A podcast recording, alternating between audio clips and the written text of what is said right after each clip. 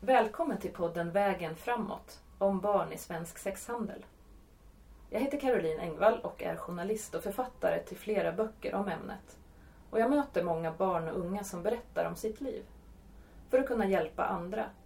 Såväl de som kanske är mitt inne i någonting som man inte ser ljuset i. Eller de som har tagit sig ur en sån situation. Berättelserna är viktiga för att vuxna ska förstå de barn som ofta är tysta om det de är med om. Kanske på grund av skam eller rädsla. Och för att vi ska kunna hjälpa. Idag ska du få träffa Ida, som är 19 och som ska berätta om en barndom av otrygghet, självskadebeteende och övergrepp under många år. Men också om vad som fick dig, Ida, att vilja och kunna överleva. Varmt välkommen till dig. Tack. Och välkommen också till Anna Norlén. Berätta vad du jobbar med. Jag är psykolog och psykoterapeut. Jag har jobbat egentligen hela mitt yrkesliv med barn och unga som har varit utsatta för våld i olika former. Misshandel, bevittnat våld, sexuella övergrepp. Eh, idag jobbar jag både med patienter men också med utbildning av kollegor som vill lära sig mer om hur vi bättre kan hjälpa och stödja barn och unga som har haft det svårt på olika sätt. Tack och jättefint att ni båda är här och speciellt välkommen till dig Ida. Hur mår du idag? Idag mår jag bättre än vad jag någonsin hade kunnat tro för bara två år sedan. Eh, jag är nöjd med mitt liv men det, det, är, alltid, det är inte alltid perfekt men det är bra. Mm. Berätta, hur började det för dig? För mig började det redan när jag var liten. Um, att jag blev utsatt för eh, sexuella övergrepp hemma. Uh, men också blev jag mobbad i skolan. Uh, så jag kände liksom aldrig att jag hade någonstans där jag var helt trygg. Um, och jag utgick alltid från att uh, människor är goda att ingen människa skulle vilja göra någon annan människa illa. Eh, så det som hände och det som jag blev utsatt för trodde jag var att det var så det skulle vara.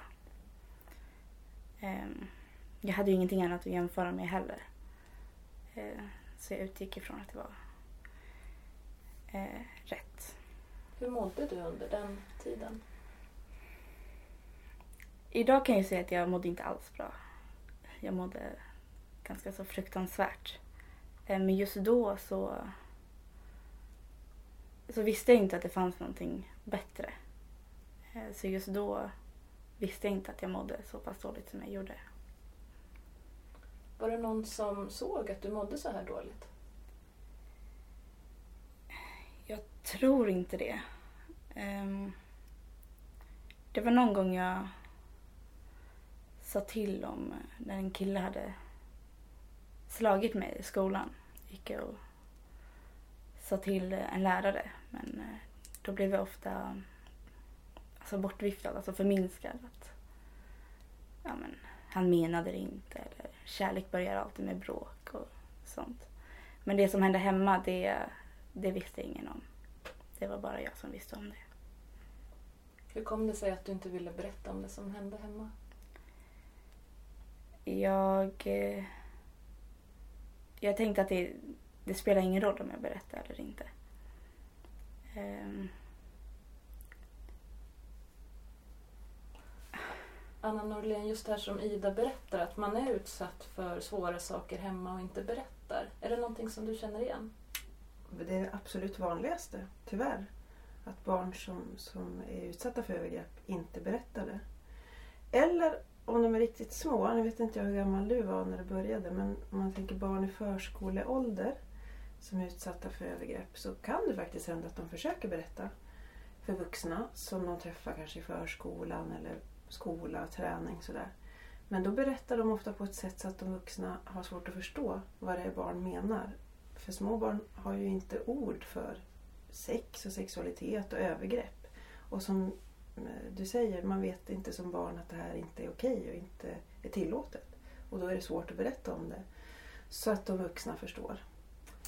Samtidigt skulle jag säga att det handlar nog inte bara om att, de, att barn har svårt att berätta om det. Det handlar lika mycket, eller kanske mer om, att vuxna har svårt att orka förstå att det faktiskt handlar om övergrepp. Man viftar bort det. Man tänker att det är nog någonting annat. Eh, jag missförstår, jag överdriver nog som vuxen. Och så hoppas man att det här kommer att lägga sig. Så det är ju det största bekymret ska jag säga. Vad är det som gör, Anna Norlén, att man blir allt tystare? Att man kanske försöker berätta när man är liten men sen när man blir lite äldre så sluter man det inom sig? Eh, en del i det tror jag att man som barn märker det här bemötandet hos vuxenvärlden. Att de har svårt att lyssna, svårt att orka, svårt att våga ta det på allvar. Att de inte Eh, visar nyfikenhet som vi gör på barn när barn berättar någonting odramatiskt. Då går vi in i kontakten och så frågar vi vidare och förstår vi inte så säger vi Men hur då? Hur menar du nu? Kan du berätta mer? Så gör vi inte när vi som vuxna blir oroliga och rädda för att det här är någonting läbbigt. Då tystnar kommunikationen. Och då samspelar ju barn på det sättet att de förstår att det här var för svårt. Det här kunde de vuxna inte lyssna på. Det här blir de inte nyfikna på. Det här vill inte de höra mer om. Och så blir det ingen mer kommunikation om det.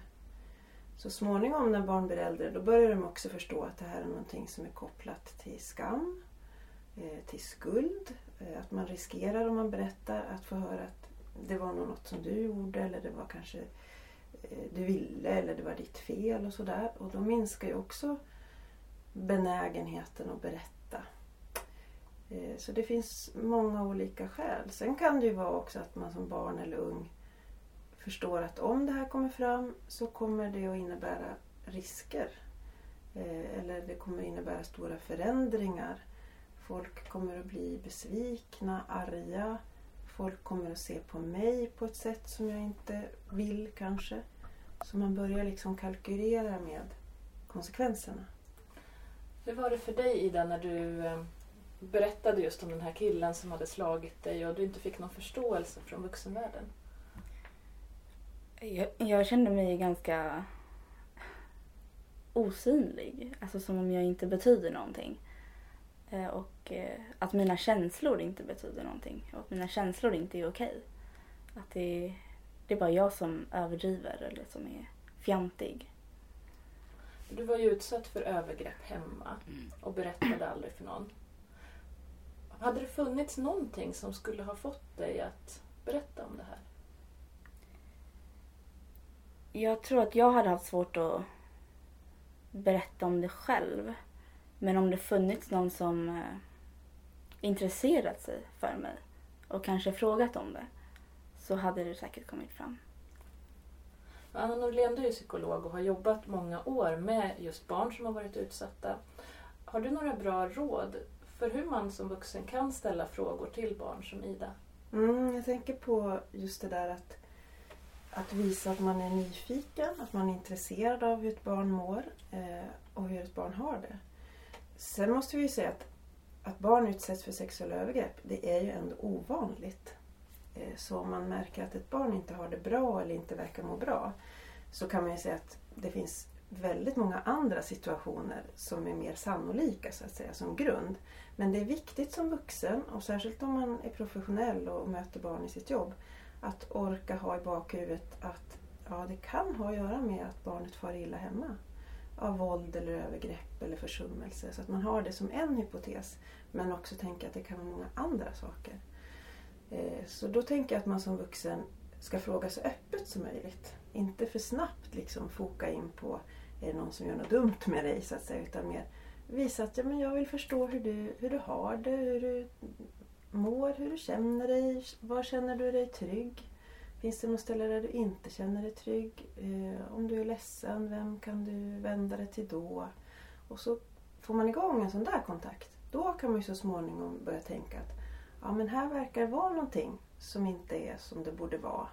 Då kanske man kan börja fråga, men är det någon som gör att du känner dig eh, ledsen eller som gör saker med dig som du inte vill eller som du inte förstår. Och så småningom komma in på övergrepp. För Ida, du har ju berättat att du har, kände att allting var ditt fel. Ja. Eh, jag känner att eh, jag fick skylla mig själv allt som har hänt. Ehm, eftersom att jag tänkte att andra människor är snälla så gör de någonting dumt så är det rätt. Och då är det alltså jag som är felet liksom. Då kan det också vara viktigt för vuxna att tänka på att man också ska lyfta av skulden från den som är utsatt och hela tiden bekräfta också hur modigt det är att man berättar om man väl börjar göra det. Jag tänker på Ida att du sa att du inte berättade hur du hade det hemma. Eh, och så tänker jag på, tror du att någon ändå skulle kunna ha märkt på något sätt att du inte hade det bra? Och, och på vilket sätt tror du att du kanske signalerade ändå att allt inte var som det skulle så att säga? Ja, alltså. Jag började redan som sju, sjuåring ungefär att eh, göra illa mig själv på olika sätt. Ehm, och på så sätt så tycker man ju att någon borde ha märkt eftersom att jag fick skador. På ett sätt som vuxna kunde se och märka?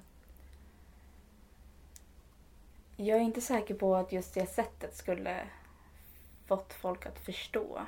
Men eftersom att det hände så pass ofta så tror jag att någon borde ha förstått. Mm, och börjat oroa sig? Ja, Mm. jag utsatte mig själv för farliga situationer och så. så att man tycker att det borde hintat lite. Mm. Och det, det är en sån också, vad ska jag säga, varningssignal om att när, när ganska små barn inte har det bra så kan det här att utsätta sig för fara vara, vara ett sätt att visa att man inte mår bra och att man inte vet hur man ska skydda sig själv riktigt. Sen tänkte jag på en annan sak och, och det var när, när förstod du första gången tror du att det inte var okej det som hände hemma hos dig? Det var rätt sent. Um, jag har ju haft lite en magkänsla senare att det kanske inte är helt rätt. Som jag inte har lyssnat på. Men det var när jag var typ, vad var jag, 16, 17. Um, som min kompis eh, berättade för mig att mina känslor är viktiga och att de betyder. Och då förstod jag att det kanske inte var helt rätt eftersom att jag inte mår bra av det som hände. Hur var din tid i mellanstadiet?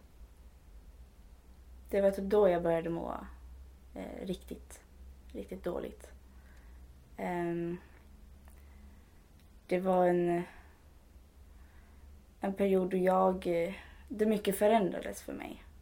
Eh, skulle byta skola, ehm, få nya klasskompisar, eh, ny miljö, nya lärare. Samtidigt som eh, kroppen också fysiskt förändras.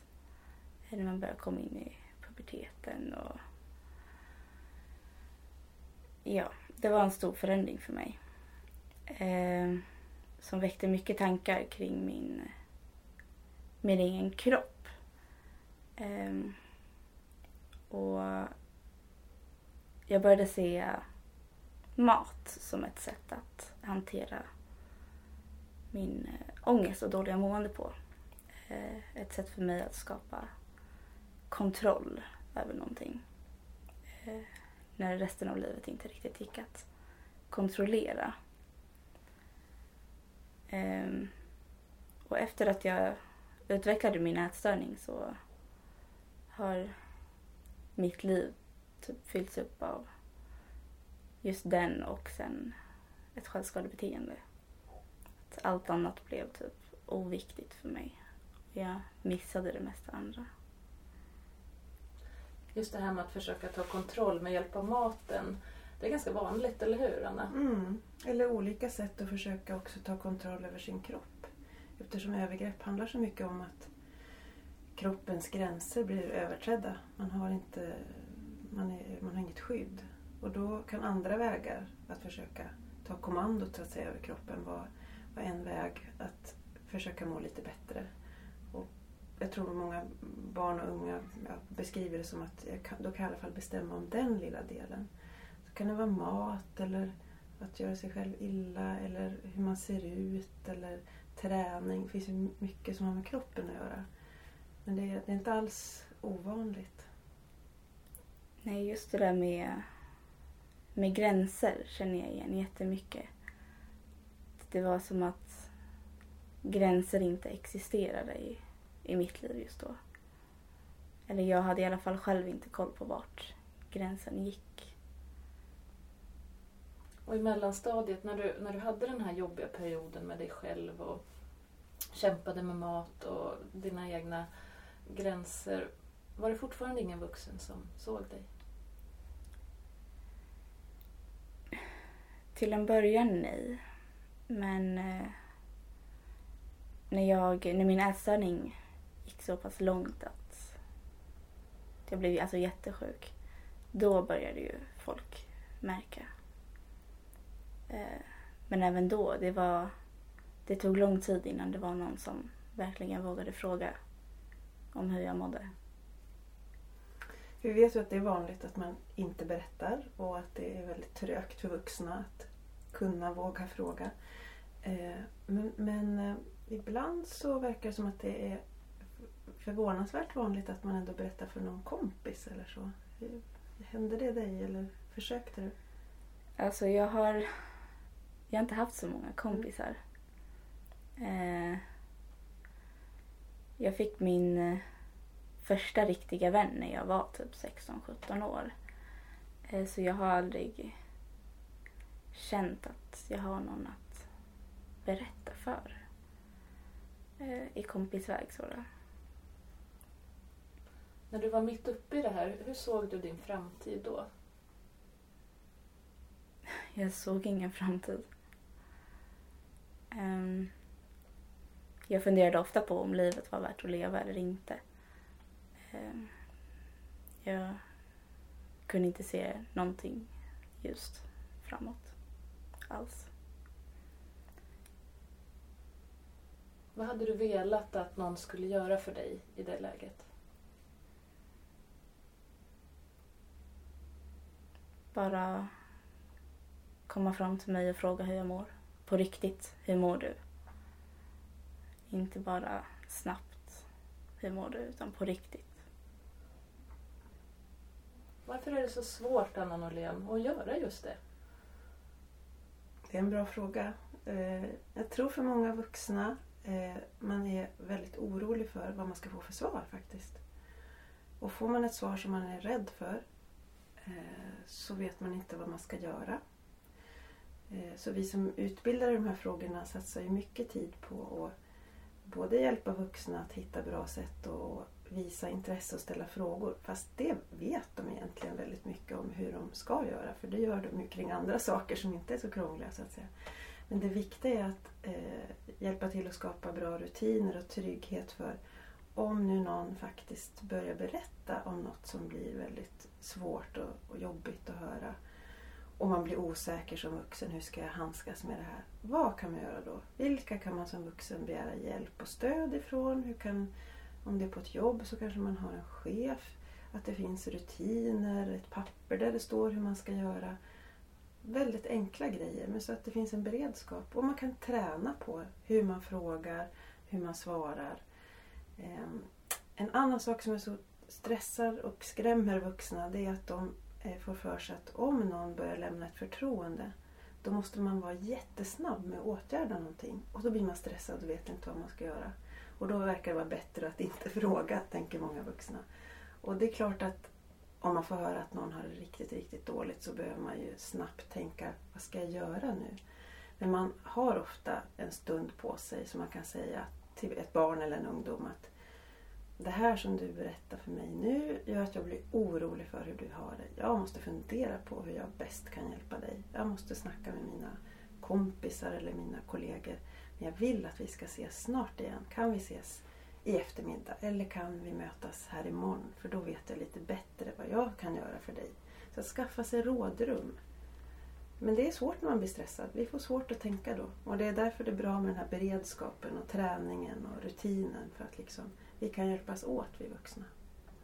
Jättebra tips Anna Norlén. Och Ida, jag tycker du är så fantastiskt modig. Och eh, som orkar och vill berätta just för att hjälpa andra. Väldigt tacksam för det.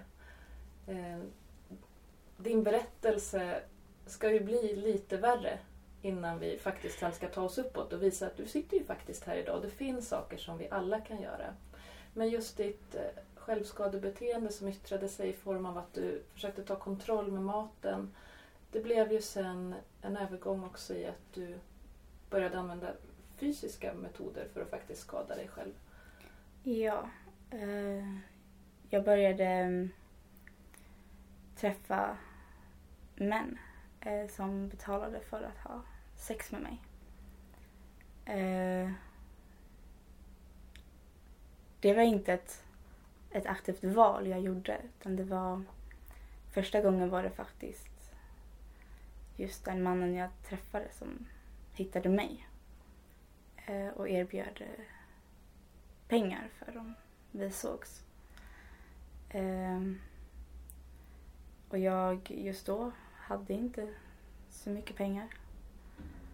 Eh, och jag kände väl mest att livet var ganska kast ändå så att det spelar väl ingen roll. Jag kunde ju i alla fall göra någon glad. Jag såg mig själv som, som om jag var till för det. Att liksom tillfredsställa andra. Ida, jag känner igen din berättelse väldigt väl. Jag skrev en bok en gång som heter 14 år till salu och i den boken berättade en flicka om precis samma sak som, som du nu berättar om. Hur hon i princip tog kontakt med de farligaste av de farliga, de som ville göra henne mest illa just för att hon inte klarade av att tillfoga sig själv den smärtan. Den här ångesten som hon kände på insidan behövde hon lindra bara för en, en liten, liten stund. Så din berättelse, den är fruktansvärd men du är inte ensam och det finns fler. Och jag tror att du Anna Norlén också känner igen det som Ida berättar om. Absolut. Och det, det är tyvärr en väldigt destruktiv, olycklig väg som, som en historia av, av eh, dåligt mående, dålig omsorg, ensamhet och övergivenhet kan ta sig. Så det finns, finns en, en grund till sex som självskada som är mm, vad säga, bred eller brokig. Det är många olika saker tänker jag som leder fram till, till det. Men det är ju ett väldigt drastiskt sätt eh, att försöka faktiskt skaffa sig någon slags lindring eller hjälp. Fast eh, många ser det ju inte så. Eh, men jag tänker också på att eh, det kan vara ett sätt att få en känsla av att jag är värd något. Om den känslan är väldigt, väldigt svag eller kanske inte finns innan. Så att någon faktiskt vill träffa mig eller är beredd att betala för att vara tillsammans med mig. kan bli ett sånt underligt sätt ändå att, att få lite självvärdering. Mm, det känner jag verkligen igen. Att när folk var redo att betala för att träffa mig så kände jag mig värdefull och sen så fick jag ju ofta höra fina saker också. Även om de var väldigt elaka också. Um, ja. De många som jag har mött berättar om att det kändes bra för en liten stund. Och sen efteråt så kom ångesten ibland ännu värre eftersom man förstod vad man hade gjort. Det kanske fanns bilder från den här träffen. Men man hade liksom inget annat sätt att få den här ångestdämpningen än att göra det här om och om igen. Hur kändes det för dig? Det känner jag också igen. Just när jag gjorde det så kändes det okej. Okay. Eller ångesten lättade. Men sen så när man gick därifrån och kom hem igen så kände jag mig smutsig. Jag kunde stå i duschen i flera timmar och försöka tvätta bort allt äckel och kände mig ännu mer värdelös och ångrade ofta det jag hade gjort. Det här självskadebeteendet, det kanske inte alltid syns heller på samma sätt som det gör när man skadar sig med att man kanske använder man skär sig eller att man använder mat. Så på ett sätt kan det ju bli ett farligare självskadebeteende eftersom man kanske då inte får frågor från vuxenvärlden. Vad säger du om det, Anna Norlén? Ja, det tror jag är vanligt och jag tror att vuxna har väldigt svårt att föreställa sig det här överhuvudtaget. För många är det så långt ifrån eh, vardag och verklighet så att man, man tror man tänker väldigt mycket att det här är någon annan. Det kan inte vara min elev eller min granne eller min släkting eller så. Eh, jag tänker också att vi ska komma ihåg det du också lyfter Ida. Att eh, det var någon som hittade dig, att det var så det började. För det vet vi också om förövare. Att det är klart, vem som helst kan må dåligt av olika skäl. Vem som helst kan eh, fara illa, ha otur. Men vi vet att förövarna hittar eh, ungdomar som mår dåligt. Som, som är ensamma, som är isolerade eh, eller som, som behöver bekräftelse. Och då kan ju pengar och smicker och hot och allt det där i en blandning vara en väg att liksom hålla kontakten. Men det är en väldigt förslagen eh, marknad om man får kalla det så. Det tror jag också många vuxna har svårt att föreställa sig. Att det faktiskt finns andra vuxna som medvetet vill utnyttja barn, ungdomar, på det här sättet.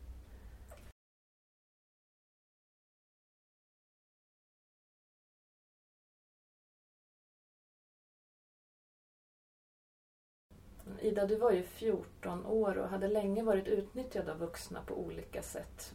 Både hemma och på nätet och i verkliga livet. Fanns det någon vuxen som du kunde tänka dig att berätta vad du var med om för?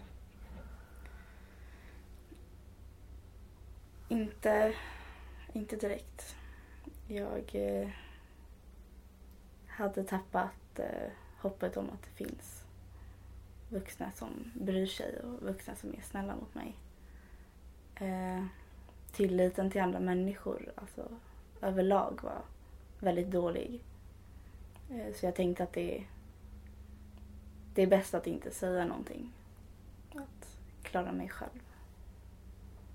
Det är också väldigt vanligt att barn och unga som använder sex som självskadebeteende skyller väldigt mycket på sig själva. Att man tänker att ja, men det var jag som gick till de här träffarna och jag lät mig utnyttjas. Vem ska tro mig om jag berättar eller anmäler?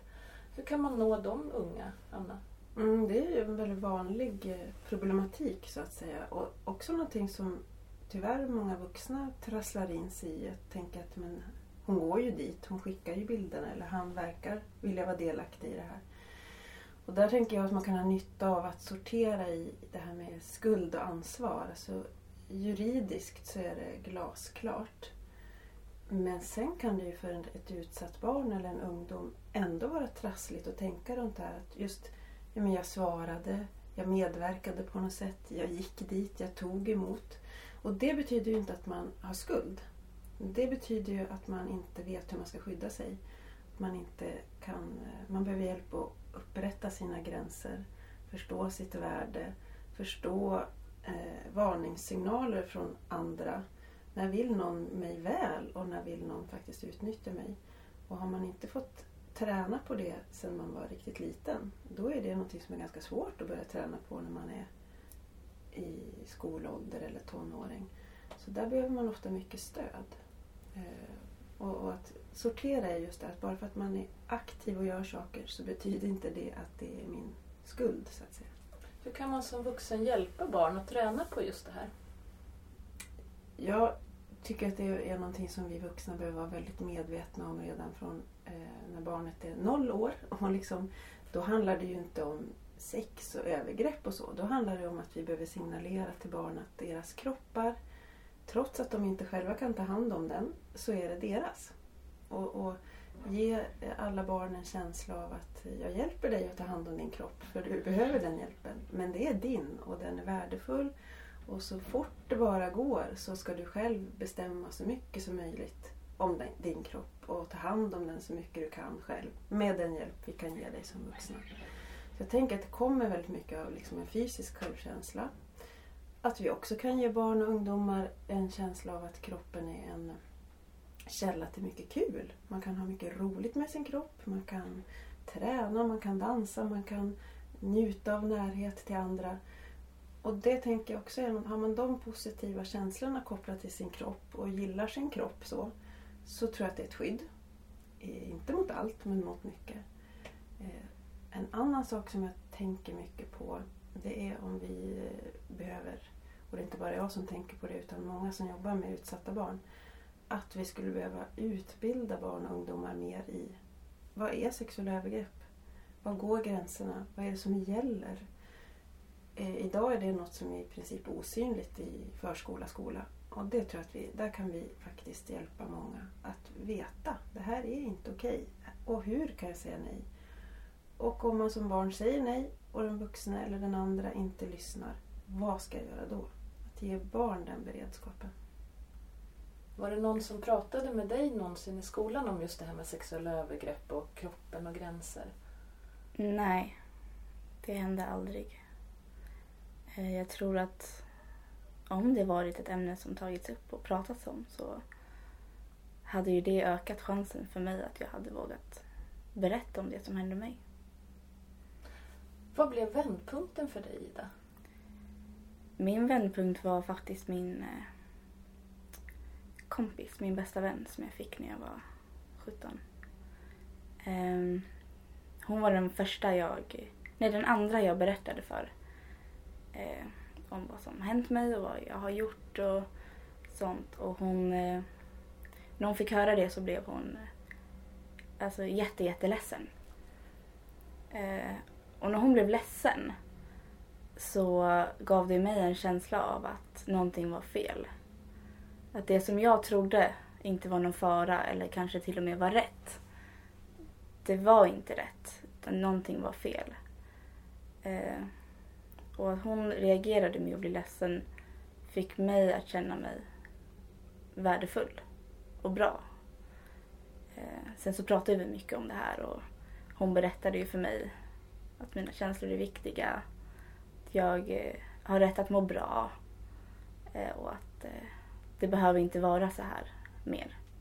Bara för att det var så så betyder inte det att hela min framtid kommer att se ut så. Utan att det kan förändras. Du sa att din kompis var den andra du berättade för. Vem var den första? Eh, jag vill inte säga vem den första var. Eh, men den personen jag berättade för eh, eh, reagerade väldigt dumt. Eh, så att jag är väldigt glad att jag berättade för min kompis sen också som visade att det är okej att berätta om. Hur kändes det att ta mod till sig och berätta för din kompis när du först hade blivit bemött på ett sätt du inte önskade men sen ändå orkade samla mod till att försöka igen?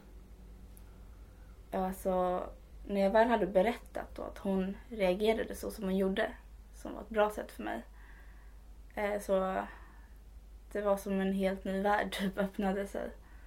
Jag kunde börja se hopp om framtiden och det var som om en, ett stort tecken täcke över mig försvann, liksom ett tungt täcke. Eh, så det var, det var verkligen jätteskönt att berätta. Vad hände sen? Eh, efter att jag pratat med min kompis så fick, eh, gjorde vi så att vi tillsammans såg till att jag fick hjälp för de problem jag hade. Någon att prata med. Och hjälp att bearbeta det som hänt. Och tack vare att jag tog den hjälpen så har jag kommit så långt som jag gjort idag. Ida, du berättade ju först för en person som inte tog emot din berättelse så bra. Men hur gjorde du för att ändå orka söka hjälp igen hos en annan vän? Eh, I och med att det första bemötandet inte blev bra alls så började jag må eh, ännu sämre. Eh, jag gick och tänkte på det här jag hade fått som svar hela tiden. Eh, varje minut liksom. Eh, och jag kände att eh, jag, jag, vill, alltså jag orkar inte ha det så. Det blev alldeles för mycket för mig eh, att leva med det och då tänkte jag att eh, jag skulle ge det ett sista försök. Eh, och går det inte då så då vet jag inte vad jag gör men ett försök till skulle jag göra. Eh, egentligen vågade jag inte. Det gjorde jag inte men jag gjorde det ändå. Eh, för min kompis, jag visste ju att hon var helt fantastisk så att Ja, det verkar hon ju verkligen ha varit som har gett dig alla de här eh, tankarna kring just att du är värdefull och att eh, det finns ett liv efter det du har varit med om. Anna Norlén, hur ska man göra för att orka fråga igen om man har blivit bemött på ett sätt som man inte önskade första gången? Ja, det är beundransvärt. Det är fantastiskt att höra att du faktiskt kunde mobilisera mod och energi att fråga eller att kunna berätta en gång till. efter det där första misslyckade, dåliga försöket. Hur man hittar den energin och modet, det vet ju Ida mycket mer om än jag. Men det, det är verkligen ett budskap som jag skulle vilja få ut till, till barn och unga att eh, våga eh, söka hjälp hos, hos flera olika. Att alla, alla vuxna, alla professionella är inte likadana. Vi är också olika bra på, på att lyssna och förstå. Så att möter man någon vuxen som man först inte blir nöjd med så prova en annan. Och omvänt så ger vi alltid de råden till vuxna som vill bli bättre på att lyssna på barn och prata med barn. Att, ja, visa som vuxen att du vet att sådana här bekymmer finns. Signalera att du är beredd att lyssna. Får du inget svar på det först men din oro ändå finns kvar så fråga igen. Och säg någonting i stil med att ja men det där som vi pratade om häromdagen eller som jag tog upp häromdagen. Har du tänkt något mer på det? För då kan det faktiskt visa sig att den man har försökt att prata med har gått och tänkt på det och eh, tänkt ut, ja men så här ska jag säga. Det har jag hört så många berättelser om i, i mitt jobb. Att någon har frågat, då blir den barnet som är utsatt kan bli lite chockad. Va? Någon frågar, någon bryr sig om mig. Så jag visste inte vad jag skulle säga. Och så går man och väntar och tänker, ska fråga, om någon frågar en gång till, då ska jag säga så här. Och kommer inte den frågan då, då är det en enorm besvikelse. Så att vi, vi vuxna får lov att vara lite ihärdiga. För Ida, du fick ju hjälp på ett ställe som finns i Stockholm, det finns i Göteborg och i Malmö. Och dit man också kan eh, både ringa och mejla för att få råd om man har haft sex mot ersättning eller sex som självskadebeteende. Och det heter Mika-mottagningen. Hur var det för dig Ida att komma dit? Eh, först när jag kom, tog kontakt med dem så var jag ju ja, lite tveksam och lite rädd. Eller väldigt rädd. Eh, men när jag kom dit första gången så så det var... De ändrade verkligen min känsla. Jag kom dit och jag sa nästan ingenting. Jag satt i princip tyst i en timme. Sa hej och hej då. Eh, men hon jag pratade med tyckte, alltså, sa inte att jag var hopplös, gav sig inte och försökte ställa frågor och liksom försiktigt ta, ta oss framåt. Liksom. Eh, och just det att hon inte pressade mig. Att hon var så försiktig och verkligen visade att hon, hon är intresserad av mig och hon vill hjälpa mig att må bättre. Eh, så hjälpen jag fick var helt fantastisk. För jag trodde inte att... Jag trodde att jag skulle gå därifrån och inte ha en ny tid just för att jag inte vågat prata om det. Men jag fick en ny tid och sen har jag väl successivt vågat prata mer och mer om det som hänt. Och fått jättebra hjälp. Mika-mottagningen finns. Vad finns det mer, Anna Norlén? Eh, det finns bra hjälp inom barn och ungdomspsykiatrin, eh, socialtjänsten, frivilligorganisationer, eh, kvinno och tjejjourer. Så det, det, finns egentligen ganska många ställen man kan vända sig till.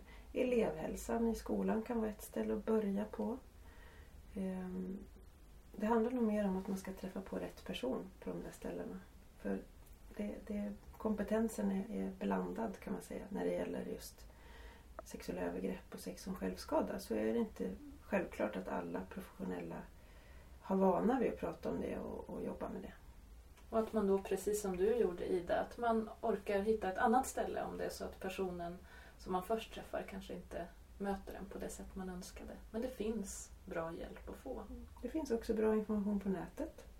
Man kanske bor på ett ställe så att det är långt till, till BUP eller socialtjänst eller kanske inte finns någon elevhälsa och då kan man faktiskt hitta Tjejzonen på nätet. Det finns forum där man kan möta eh, människor som, som kan hjälpa och stötta och hjälpa en vidare sen. Och där man också kan få möjlighet att skriva om man känner att det är jobbigt att prata. Och där finns ju också jouren Tusen möjligheter som har sitt stöd online där man också kan få möjlighet att berätta om det man har varit med om. Men ibland kan det ju vara så Ida att när man har mått så dåligt som du har gjort och man har skadat sig själv på olika sätt så kan det ju vara lätt att tänka att när man mår dåligt igen att man känner att ja, men just det, det här sättet som jag dämpade min ångest på, det är det som fungerar. Hur, hur har det varit för dig just att ta dig vidare ur din självskada? Uh, eh, I början var det ju så som du beskriver att det var ju lätt att tänka att när ångesten väl kom tillbaka att man ville skada sig själv. Det var ju enklare att tänka när man inte hade ångest att jag ska inte skada mig själv något mer nu. Eh, och visst, det var inte en spikrak väg att sluta. Eh, det hände att jag skadade mig själv igen. Eh, men det handlar ju om att inte ge upp och aldrig sluta försöka. Man får ju ta det beslutet om och om igen att nej, jag försöker igen, jag försöker igen. Och liksom inte ge sig. Eh, idag så kan jag ju få tankar på att jag skulle vilja skada mig själv igen. Men eh, jag vill inte göra det och jag kan prata med mig själv och liksom för, alltså, tänka längre på konsekvenser. Hur kommer jag må efteråt? Är det här verkligen gynnsamt i längden? Eh, så idag skadar jag inte mig själv. Och jag har inte gjort det på över ett år. Eh, så även om det kommer tankar när livet är svårt så det är inte ett alternativ för mig.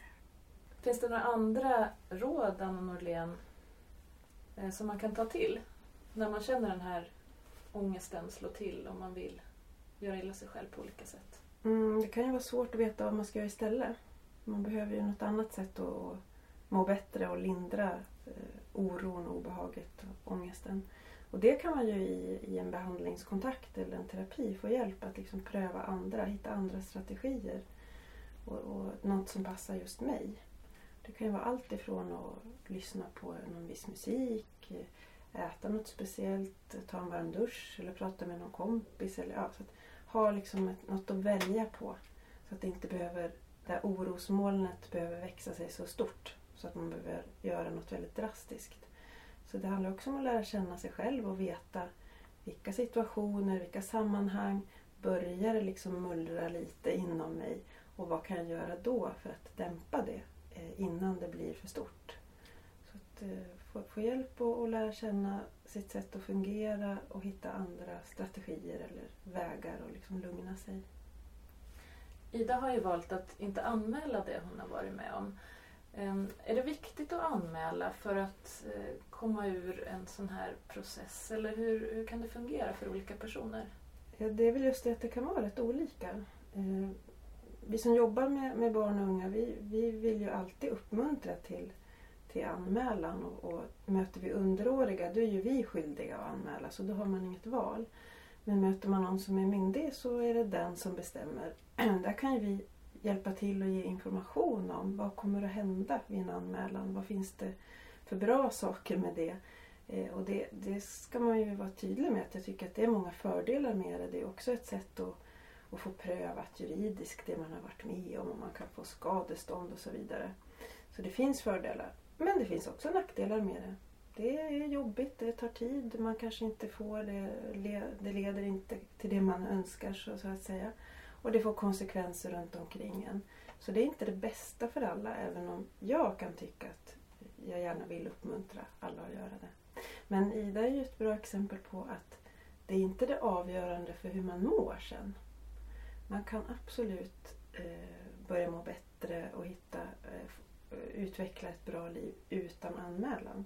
Det kan vara en del på vägen men det är inte alls det, det viktigaste för många. Utan det är andra saker.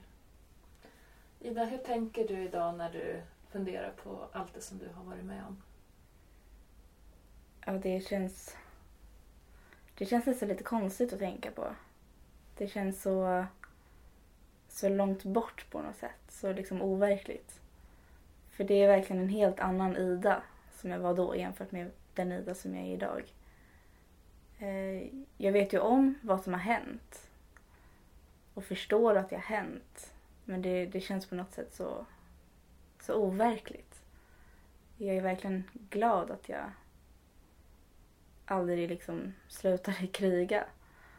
Så att jag tacksam över att jag sitter här idag. Hur ser ditt liv ut idag? Ja, jag eh, har framtidsplaner. Jag eh, mår bra många dagar. Jag har hittat någonting som jag tycker om väldigt mycket. Dans eh, och träning. Om en vecka börjar jag plugga till socionom. Jag drömmer om att få hjälpa andra som haft det, haft, haft det svårt. Eh, jag har vänner och jag trivs med mitt liv. Både när det är skit och när det är bra liksom. För att jag vet att det är så livet ska vara.